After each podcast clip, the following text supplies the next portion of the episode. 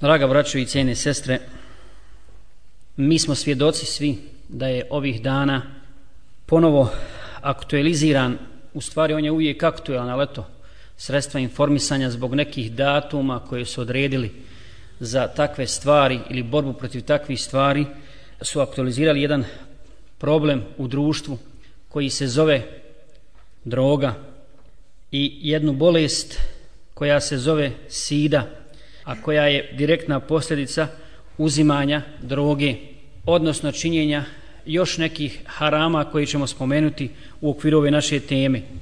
Dakle, vi ste čuli da nekakvi podaci govori da je od side umrlo 29 miliona ljudi, 27 miliona je oboljelo ono što je registrovano zvanično. Kod nas se u Bosni enormno povećava također taj broj zaraženih HIV-om i tako dalje.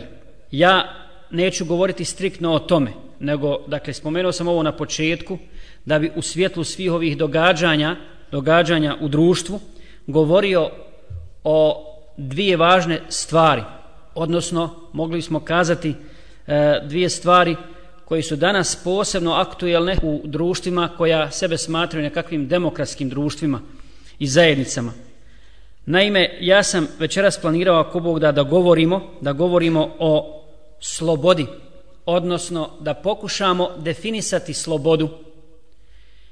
To je jedna stvar i druga stvar da govorimo o dobru i zlu.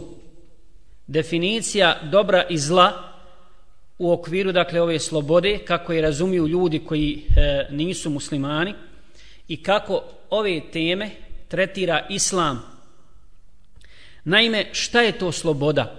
Ima li sloboda svoje granice? Je li ona neograničena? Je li značenje slobode, braćo i sestre, u tome da čovjek govori i radi šta hoće, kad hoće i kako hoće? I jesu li u istinu slobodni oni ljudi, oni ljudi koji u ime te slobode dozvoljavaju drugima, a i sami to rade, dijela koja, koja ne prihvata nikako zdrav razum. S kojima se ljudska pamet nikako, nikako ne slaže. Dakle, ako čovjek posjeduje zdrav razum, a većina ljudi, jer je to Allahova odredba, Allah stvara čovjeka i podario je svakom insanu razum s koji može rasuđivati dobro od zla.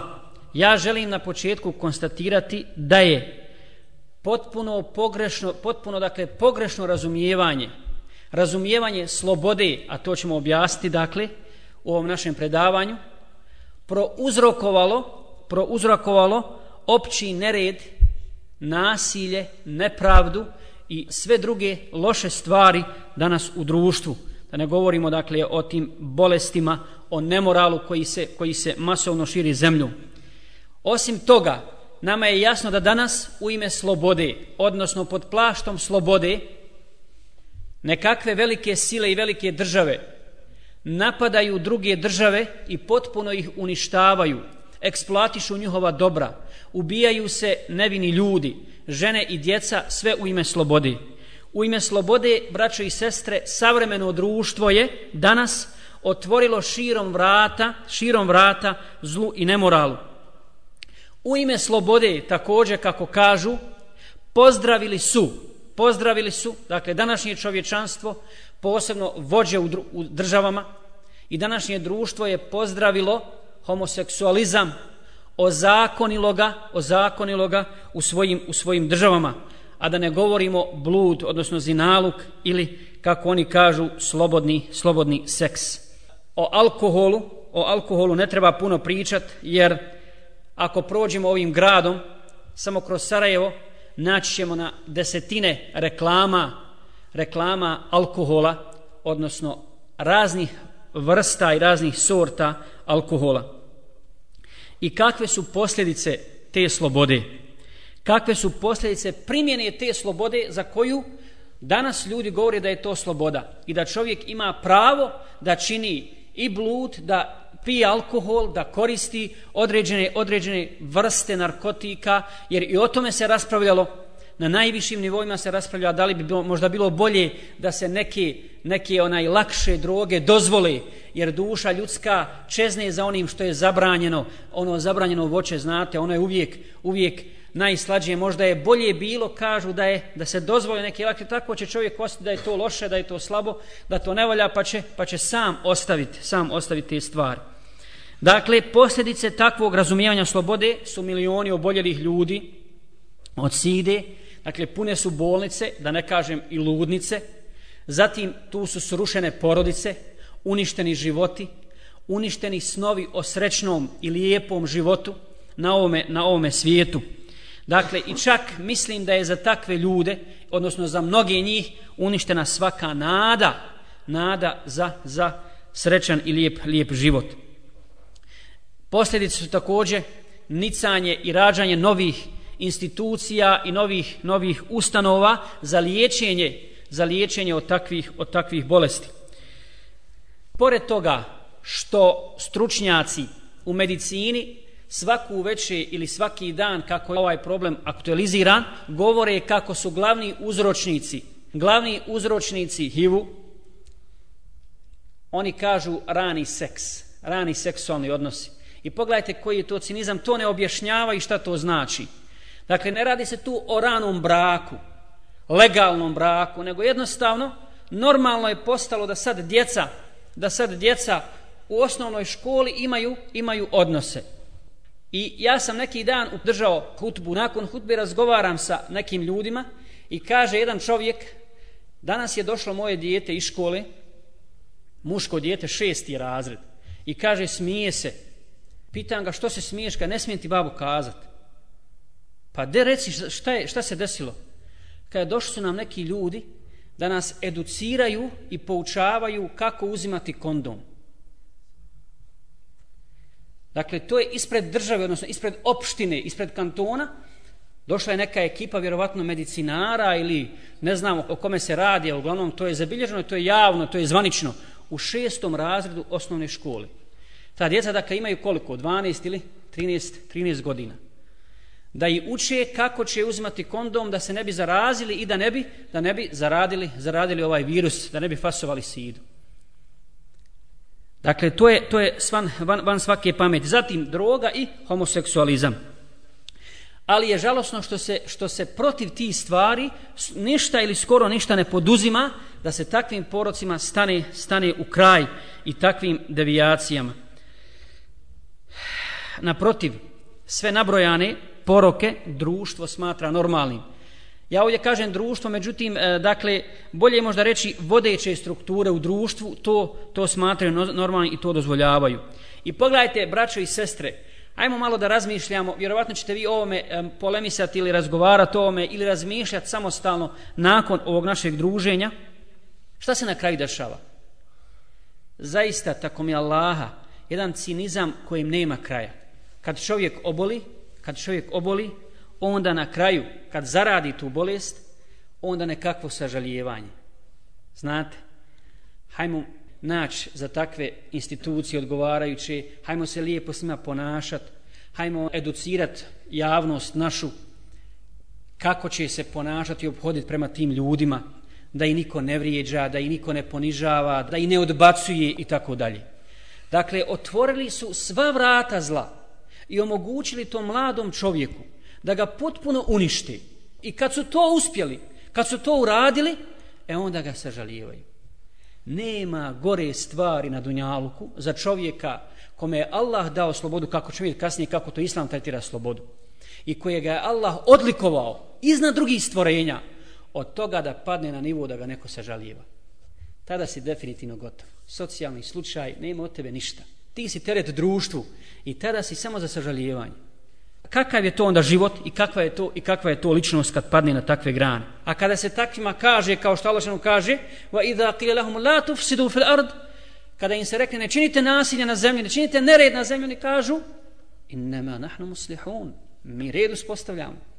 Mi red spostavljamo jer vidite komune smo otvorili za takve. Dali smo ljudima slobodu.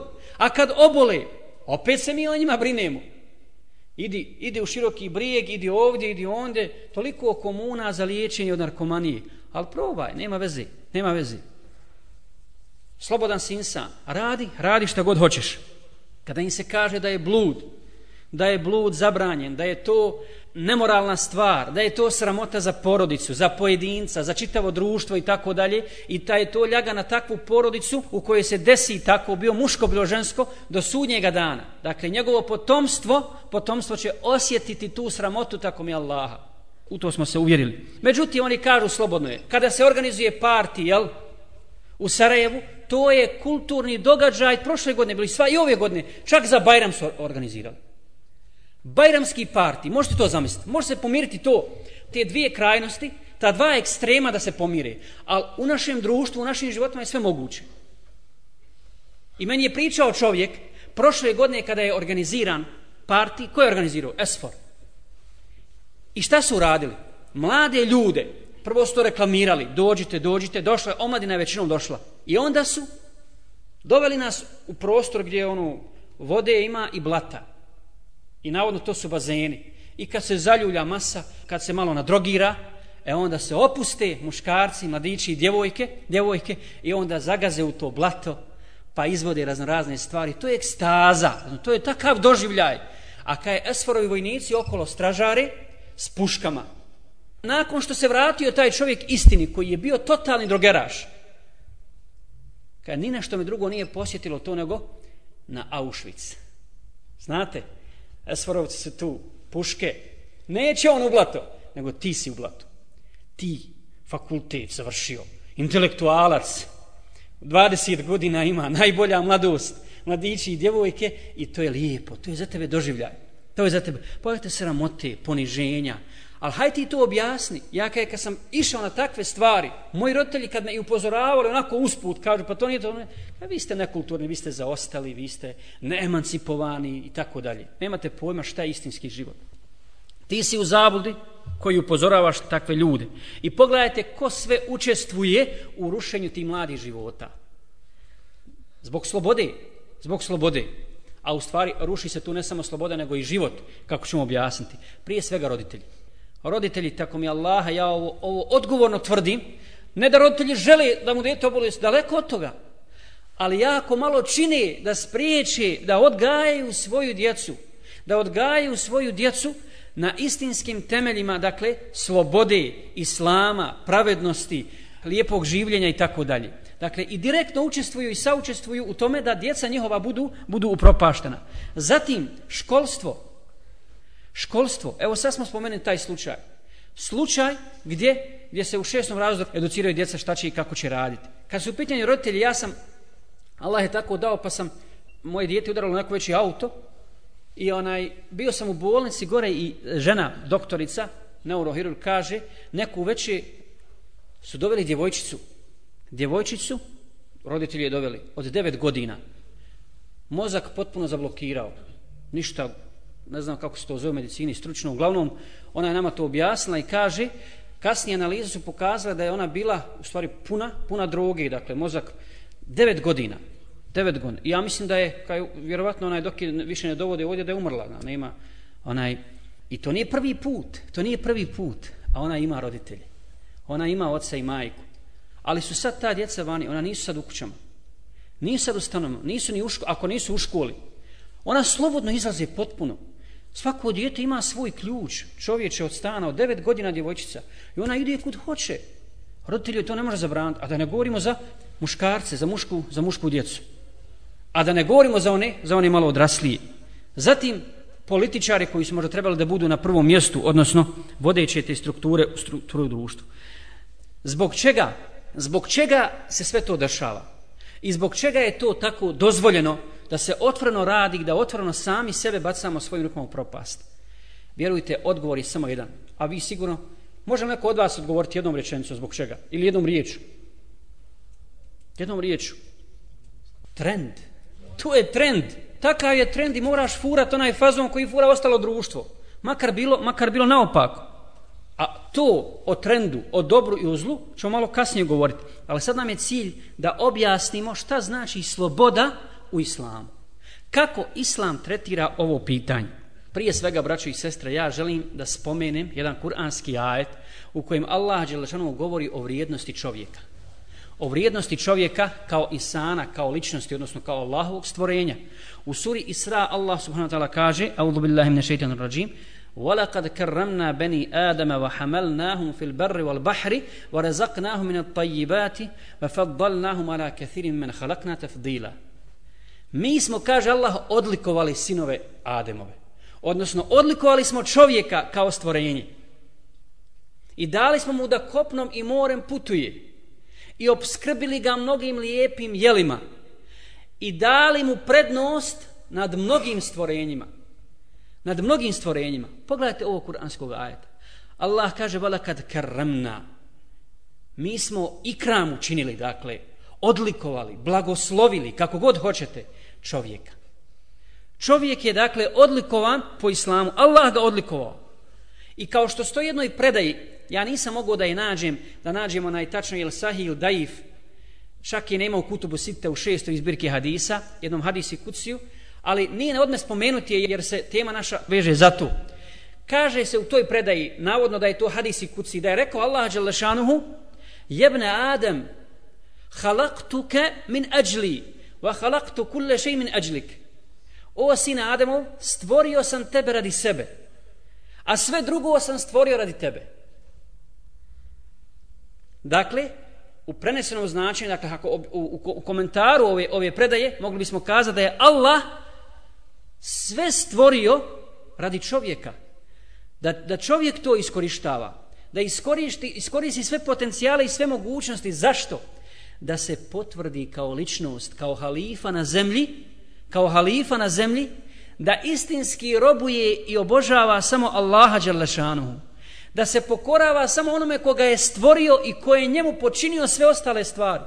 A da ne robuje, ovo dobro treba a da ne robuje i da se ne pokorava stvarima koje su njemu počinjene, subhanallah. Razumijete? Allah sve stvorio radi čovjeka. I sad čovjek, kao takav, kao ličnost, robuje tim stvarima i padne na takav nivo da on njima robuje. Svojim strastima, ostalim svim materiji, novcu i tako dalje, vlasti, položaju, a to Allah sve dao čovjeku, da on s tim raspolaže da rukovode on vlada, a ne da te stvari vladaju, vladaju čovjekom. Dakle, kada je Islam govori o slobodi, kada je Islam govori o slobodi, kada su drugi raspravljali o tome da li žena ima dušu ili ne ima dušu, a vi znate ko je o tom raspravljao i kada, to nije tako davno bilo. Je li žena ljudsko stvorenje ili nije ljudsko stvorenje? Znate o čemu su raspravljali islamski učenjaci? Tada. Je li čovjek bio muškarac, bio žena, bolji od meleka ili, ili je bolji melek? I na osnovu islama, odnosno Kur'ana i sunneta, ispravno su zaključili islamski učenjaci da je čovjek istinski vjernik bolji od meleka. Od svakog meleka. Čak od Džibrila. Dakle, to je stav ehli sunneta val džemata. Ehli sunnet val džemat kaže da čovjek koji izvršava Allahove naredbe i kloni se Allahove izravna da je bolji od meleka. Dok su drugi raspravljali o tome, jel ima li žena duš ili nema duš? Je li ljudsko stvorenje ili nije ljudsko, ili nije ljudsko stvorenje? A kažu da Islam diskriminiše ženu, a? Da Islam ne priznaje, ne priznaje njena prava. Vi znamo kakva su načela bila francuske revolucije. Jedno od njihovih glavnih načela bila sloboda, Borimo se dakle za slobodu. Zašto? Jer se čovjek rađa slobodan. Kad je bila francuska revolucija? Aha, aha. Znači, nije tako davno. A znate li kad je Omer radijallahu ta'ala an došao u Egipat kada je čuo da Amr ibn As da je učinio nepravdu namjesnik Amr ibn As nekim koptima, dakle nemuslimanima, došao je Omer direktno u zijaret, u posjetu Egiptu i postrojio muslimane, a među njima i Amra ibn Asa kao glavnog emira, i rekao mu sljedeće riječi, o Amre, otkad si to ti ljude učinio robovima, a Allah ih stvara slobodnim. Za to načelo Islama malo je ko čuo. Malo je ko, zato što je to prirodno Islam. I muslimani ga nisu puno ni, ni, ni, ni pamtili ko je to rekao, je li Omer, je li Haso ili je Huso. To je stav Islama. To je stav, Omer ništa nije rekao od sebe radi Allah. Rekao je ono što, što islam, što islam zagovara. Dakle, preneseno na ovu našu tematiku, kako je mi objašnjavamo i kako je Islam gleda na nju, slobodan je, dakle, onaj čovjek ko svoju dušu odslobodi, svoju ličnost ko oslobodi od robovanja strastima, a neko se poda strastima da ga strasti vode. Taj je čovjek rob svojih strasti. Pogledajte šta kaže Hind radijallahu ta'ala anha. Žena koja je primila islam, znamo mi ko je Hind, je tako? Žena je Ebu Sufjana. Žena koja je prije islama, kao dok je bila mušrik, mrcvarila mrtvog Hamzu, radijallahu ta'ala. Ali kad je prihvatila islam, došla je da da bejo poslaniku sallallahu da se zakune na islam, i poslanik im citira tada ajet ne samo njoj, nego svim ženama koji su došle da daju beju, koji su prihvatili vjeru. Citira i sure Mumtahine, o vjerovjesniče, kada ti dođu žene, da se zakunu, da neće Allahu nikoga kao druga pripisivati, da neće krasti i da neće zinalučiti, ona je prekinula poslanika sa sallam hind. I rekla, ja Rasulallah, evo teznil hurra, Allaho posjeće, zar slobodna žena može činiti zinalog? Pogledajte kako hind, žena intelektualac, žena muslimanka, kako definiše lahko slobodu. Zar slobodna žena, dakle žena koja nije robinja, koja se ne prodaje kao roblje, Zar može činiti zinalog? Zar može pas na takav nivu? Gdje je moral? Gdje je stid? Gdje su principi? Gdje je njena ličnost tada? Porodica, muž, djeca i ta njena duša. Nemoguće je da se desi, dakle, slobodnoj ženi da čini, da čini zinalog. I to hin ne može da prihvati nikako. Nikako. Bila je mušrik, bila je džahil težak, nije znala ništa o Allahu, ali je nemoguće da je ikada Hind počinila zinalog. Dakle, imali su taj moral i razumijevali su slobodu daleko bolje od današnjih najvećih učenjaka i demokrata.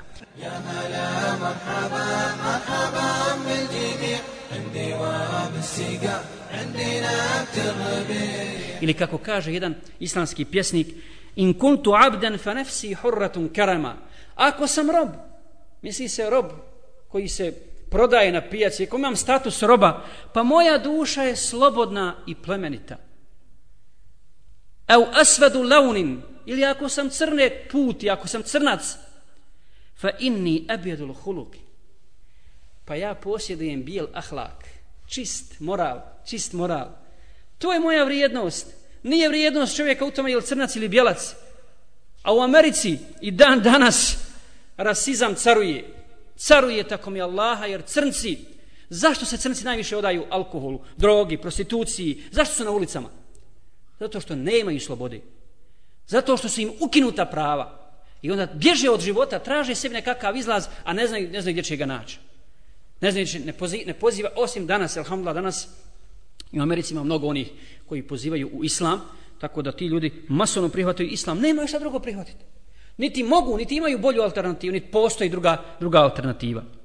A jedan islamski učenjak govoreći dakle o slobodi i ispravnom razumijenju slobode kaže i meni se svidjela svidjelo ova izreka. Kaže, kada bi bio namaz ispravan, kada, kada bi bio, nije ispravan, kada bi bio ispravan, namaz učenjem nečeg drugog mimo Kur'ana u namazu, ja bi redovno učio hadis poslanika sallallahu u kojem kaže Rasul sallam alejhi se abdu dirhami wa ta'i se abdu dinar. Proklet neka je ili propao je rob dinara i rob dirhema. Pogledajte šta bi ovaj koji bi hadis učio ovaj čovjek. Dakle, propao je i zaista je propao. Rob dinara, dirhema, u hadisu nastavlja još i svile, i e, one teške svile i lahke svile i tako dalje. Dakle, ljudi koji robuju ovim, ovim sitnim dunjalučkim, dunjalučkim stvarima. Zašto? Zašto, braći sestre, poslanik naziva takvog robom? Zato što je pogrešno protumačio slobodu i zbog toga što je koristi kako, kako ne treba. Zbog toga što se odaziva odma čim ga strast pozove, on se odazove. Na prvi zov strasti odmah se odaziva. Nema razmišljanja. Tu više mozak ne funkcioniše. Ne radi. Razum bi trebao da, da kontroliše čovjeka, njegovo ponašanje, a da ne govorimo još vjera. Posjedi, posjedi čovjek tu fitru, koju će kasnije oplemeniti imanom ako prihvati vjeru. Dobrim dijelima i tako dalje. I, sve, I s razumom sve se to slaže. Sve se slaže i poziva u dobro. Poziva u obožavanje samo Allaha Đelešanu. Dakle, to je sloboda. Da se čovjek ne odaziva na prvi poziv. Jer kakvo god dijelo učiniš, odnosno nedjelo, ti si izišao iz tih okvira slobode, kako ćemo kasnije objasniti. Ali kada ti nešto radiš, Treba da uradiš ili te, ili te zove tvoja duša što uradiš, pa se kontrolišeš, pa vidiš je li to dobro ili nije dobro. Pa ako vidiš da je to dobro za tebe, pa ga onda uradiš na temelju zdravih principa, tada to i razum prihvata. Tada to i razum ljudski, ljudski prihvata. Zato Allah kaže, Afara'ejte man ittehada ilahehu hava. Jesi li ti vidi onoga koji je svoj strast za svoga Boga uzeo? Strast za svoga Boga uzeo. Koliko danas ljudi obožava svoju strast? Tačno božanstvo. I tome se, tome se klanju i ne mogu se oduprijeti. Dakle, na osnovu ovoga, na osnovu ovog islamskog stava možemo kazati slobodno da su najslobodniji ljudi oni koji su najbolji vjernici. Koji samo Allaha istinski obožavaju. Jer su se oslobodili od negativnog uticaja izvana, a također i iznutra, od svojih duša, svojih, svojih strasti, i one na njih ne mogu, ne mogu, ne mogu uticati. Mogu, može i svaki pogriješiti, i griješi stalno, i vjernik, i nevjernik. Međutim, jedno je kad vjernik pogriješi, ako upad, on neće, inšala, sigurno upast u neki veliki grije. Neće upast u veliki grije. Može se desiti, može se desiti da učini manji grijeh, ali kakav god grijeh učini njega, njegova duša kori, njegova savjest, njegova vjernička duša ne može to da izdrži. I on se kaje i čini te uba Allahu Đelešanu. Dakle, vjernici su slobodni, istinski u okviru Allahovog šerijata. A šta je Allah dao u okviru šerijata? Maksimalnu slobodu, braćo i sestre, vallahi. Ja ću vam dokazati a nek dođe neko da me demantuje, da čovjek musliman je najslobodniji u okviru šerijata ako se ponaša u granicama Allahovog zakona. Jer je Allah čovjeku u islamu dao najveću slobodu, maksimalnu slobodu. A evo dokaza. Pogledajte koliko Kur'an govori i sunet poslanika sallam o stvarima koje su halali, koje su dozvoljene čovjeku. Kad bi nabrajali, ne bi cijelu noć nabrojali. Koliko halal stvari ima?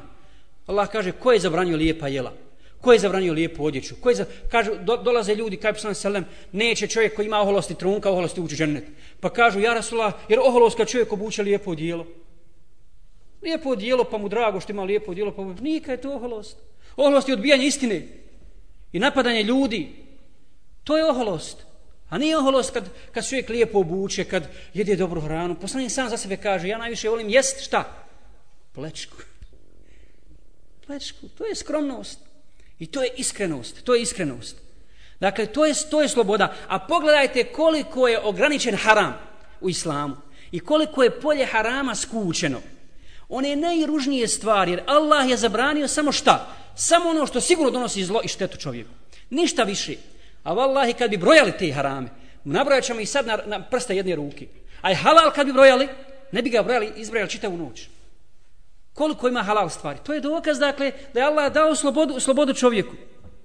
I sad, kad čovjek učini haram, kad padne, kad iziđe iz tih okvira halala, zaista je nisko pao. Allah ti otvorio polje dobra, hajra, dozvoljenih stvari, halala i ti pored svega toga posegneš ko židovi, ha?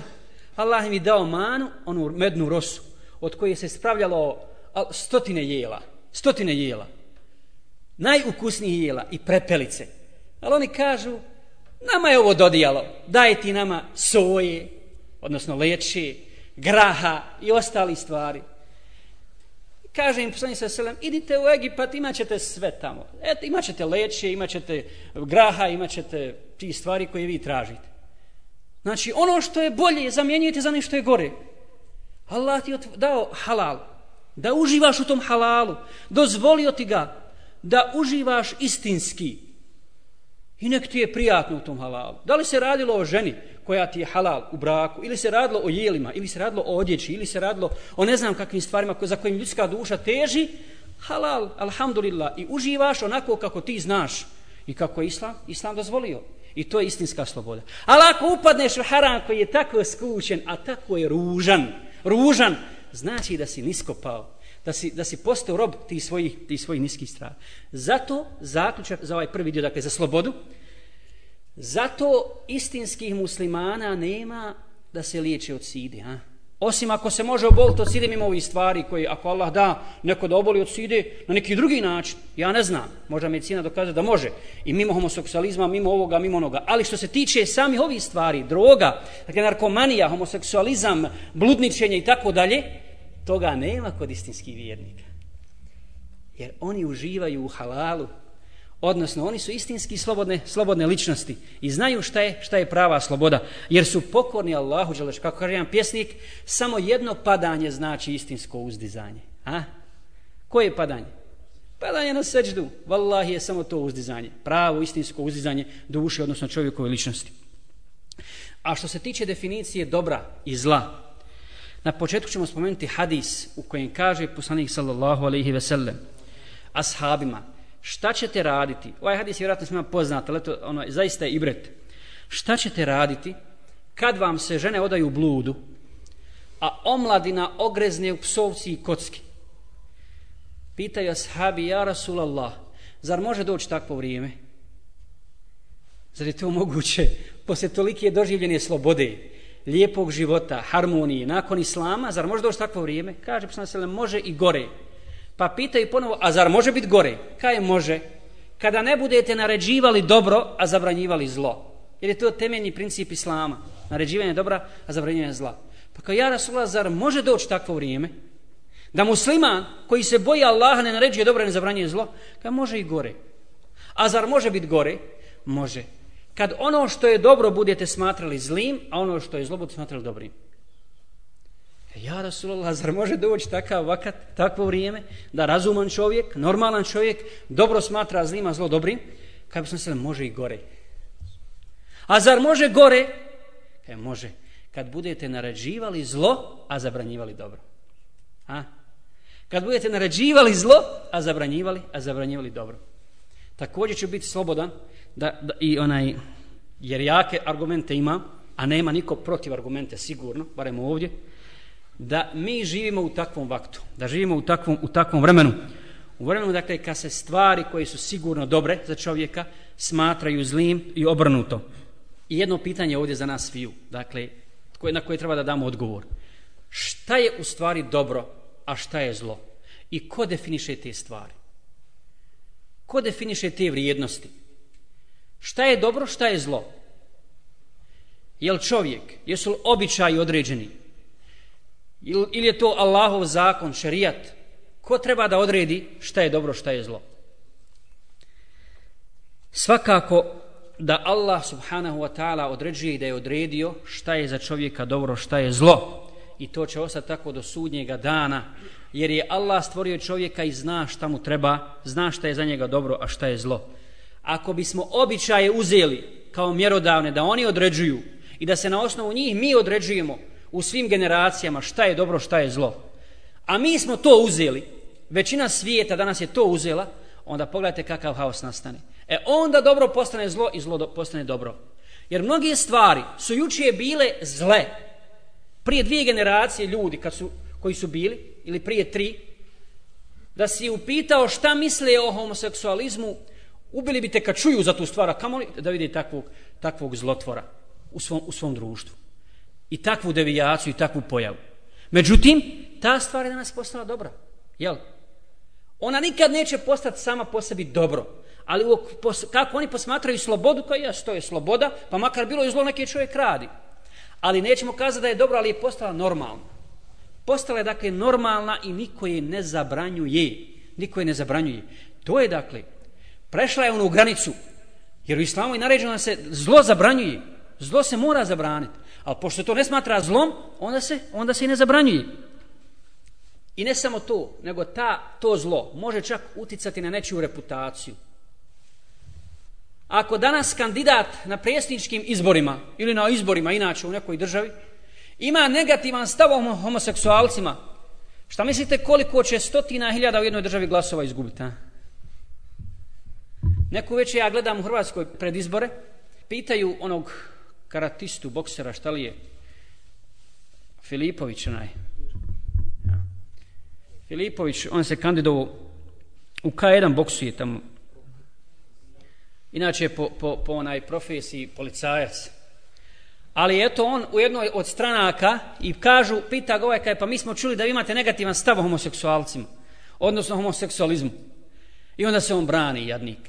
Pa znate kaj, ja to ne volim, ali ono, ne branim nikome, svakome je slobodno, moja stranka se zalaže za slobodu, za, za prava ljudska, da to je ljudsko pravo.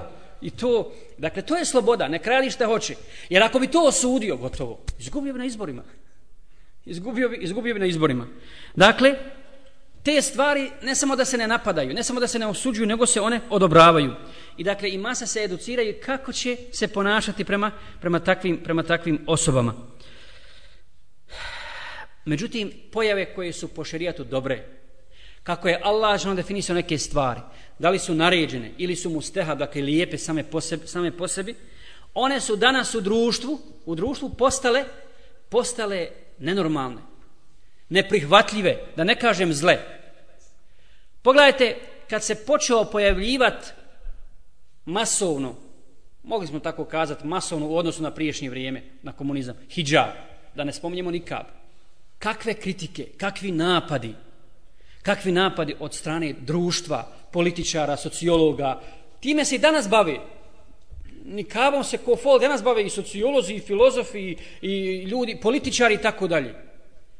Time se bavi i takve žene, takve žene, takve ličnosti, takve osobe nazivaju raznim imenima. Te pokretni šator, te ninja, te ovakvo, te onako.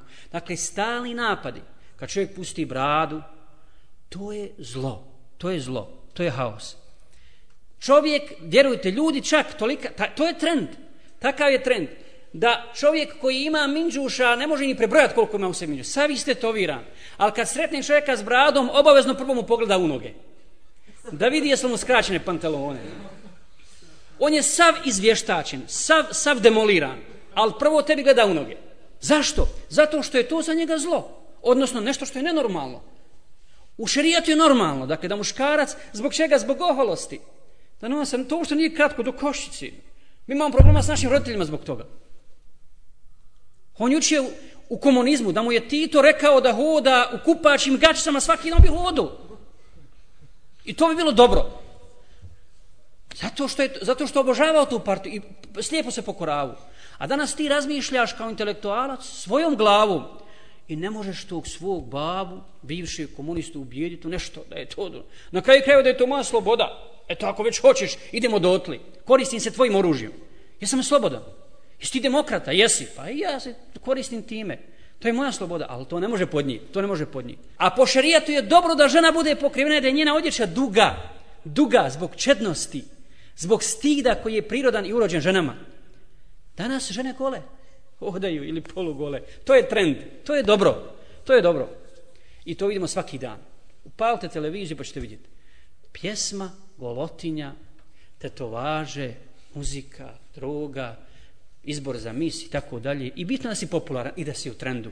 Nije bitno na koji način. Nek si neuzubila prostitutka, ali popularna žena, brate, glumica, ne znam šta, šta da radi.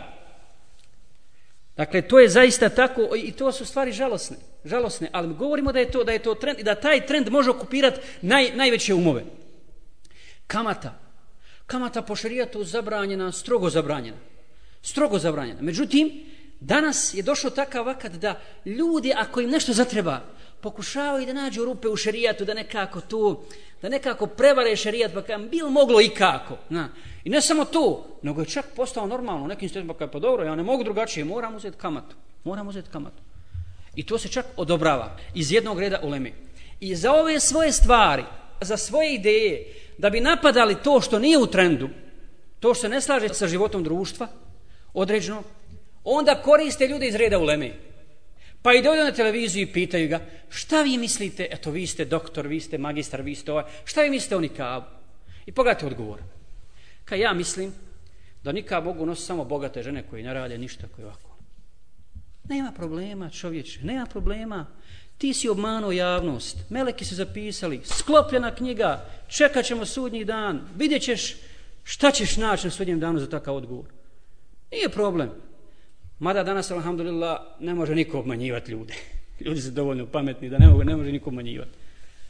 Ako si istinski obučen i učen u islamu, ako nisi priučen, onda ćeš dati odgovor, kazati, čekajte, šerija to tretira ovako.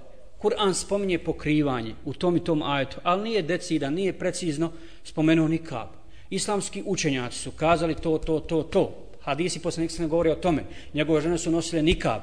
Nisu sve sahabike nosile, nosile nikab. Zato se ulema razišla oko toga zbog jedne riječi u Kur'anu. Međutim, učenjaci četiri mezheba poznata kažu to, to, to. E, mašallah, to je odgovor. I ja prihvatam mišljenje Ebu Hanife, rahmetullahi alejhi, zato što su mi njegovi dokazi najjači. Da nikab nije obaveza, je sunnet. Dakle, nikab ne može biti ništa treće. Može biti ili vađib, obaveza, ili sunnet. Ne može biti treći. Nema treći. A ne, bogate žene mogu to nosati, ono nekakve princeze. Hoćemo ljude da učimo vjeri, da učimo akidaju, poznamo sa gospodarom svjetova. Ko je Allah, da ga znaju istinski obožavati. A kada se istinski vrati Allahu Đelešanu, kada i Allah, jer Allah upuće, nismo mi. Ko smo mi? Svi smo mi griješnici. I svi smo slabi. Ali neko od nas zna više vjeri, neko, neko manje. Ali ne može svak studirati šerijat. Nama trebaju ljudi različitih kalibara, iz različitih oblasti. To je islam.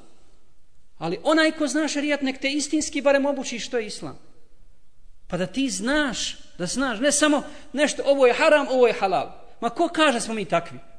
Ne, mi ne idemo po toj liniji. Islam ništa nije zabranio, a da nije dao alternativu. Ništa nije zabranio, da nije dao alternativu. I vidjet ćete suru Majda, sad ne citiramo te ajete. Uzmite suru Majda, suru Ali Imran, suru An'am, pa ćete vidjeti. Zabranio vam je krv, strv, svinjsko meso, tako dalje. Onda, a dozvoljeno vam je to, to, to. Znači, to je alternativa. Nema lutanja. Nema lutanja. Jer Allah nije zabranio nešto radi same zabrane. Zato što to šteti čovjeku. Što šteti, šte, sigurno šteti čovjeku i da gradira ga kao, kao, kao ličnost. Dakle, koriste se takvi ljudi da bi se to potvrdilo. I pogledajte, aršina, napad ovdje na ove. A ovamo educiranje da ne bi napadali one koji su narkomani, koji su oboljeli da se ide tako. Kao da su ovi gubavci, kao da su ovi oboljeli pa i se treba odreći tako dalje. Koji klanjaju, koji nose brade, koji se islamski ponašaju. To su aršini. Ali, alhamdulillah, bolje je sto puta da nas napadaju nego da nas žalijevaju. Bolje je, vallahi. Bolje je za nas. Međutim, u tom pogledu, ja bih kazao, braćo i sestre, da je naše društvo danas, da je naše stanje u društvu, ne, ne mislim samo na Bosnu i Hercegovinu, nego inače šire, gore nego stanje onih ljudi u lađi, kako je opisao poslanji sa selem. Na dva sprata, jel? Pa oni, kad im je nestalo vode, oni sa gornjeg sprata su sišli dolje, pa su naumili da probiju laž, jel? I kaže, ako i ovi dole ne spriječe, potopit će se svi. E, ovi su gore kod nas uspjeli probiti lađ. I sada više ni kapetani, ni kormilari, bez obzira koliko su sposobni, ništa ne mogu učiniti. Sad se svako od nas bori sa svojim valom. Sa svojim, kao i kapetan, kao i kormilari. Na osnovu hadisa poslanika sa selem. Na kraju poslanika sa selem, ja nisam to spomenuo. Dakle, u takvom vremenu, kada dođe to, kada budete narživali dobro za zlo, ni vaši najučeniji se neće moći snaći. Neće se najučeniji moći snaći. Dakle, sad se svi borimo sa nekakvim svojim, svojim valovima životnim koji prijeti da nas, da nas potope i da nas, da nas uništi. E, to je bio men cilj za večeras. Dakle, da bare malo e, pokušamo približiti to. Dakle, šta je sloboda, kako islam razumijeva slobodu i ko to treba da definiše dobro i zlo. I šta je stvarno za čovjeka dobro i zlo. I šta je uopćeno, šta znači dobro, a šta zlo. I koga definiši. To ne znači, braćo i sestre, da mi sad treba, šta treba da uradimo, jel? Pošto ovi tamo educiraju te skupine, mi treba da ih odbacimo, jel? Nije tačno.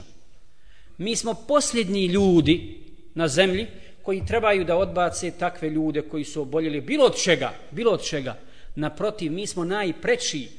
Najpreči da im ukazujemo na dobro, da ih pozivamo u dobro, da im objašnjavamo istinu, da je prihvate kao preventivu, a ne kao lijek. Na kraju kad se desi gotovo, kad čovjek oboli, onda ga, nego preventiva je važnija, važnija hiljadu puta.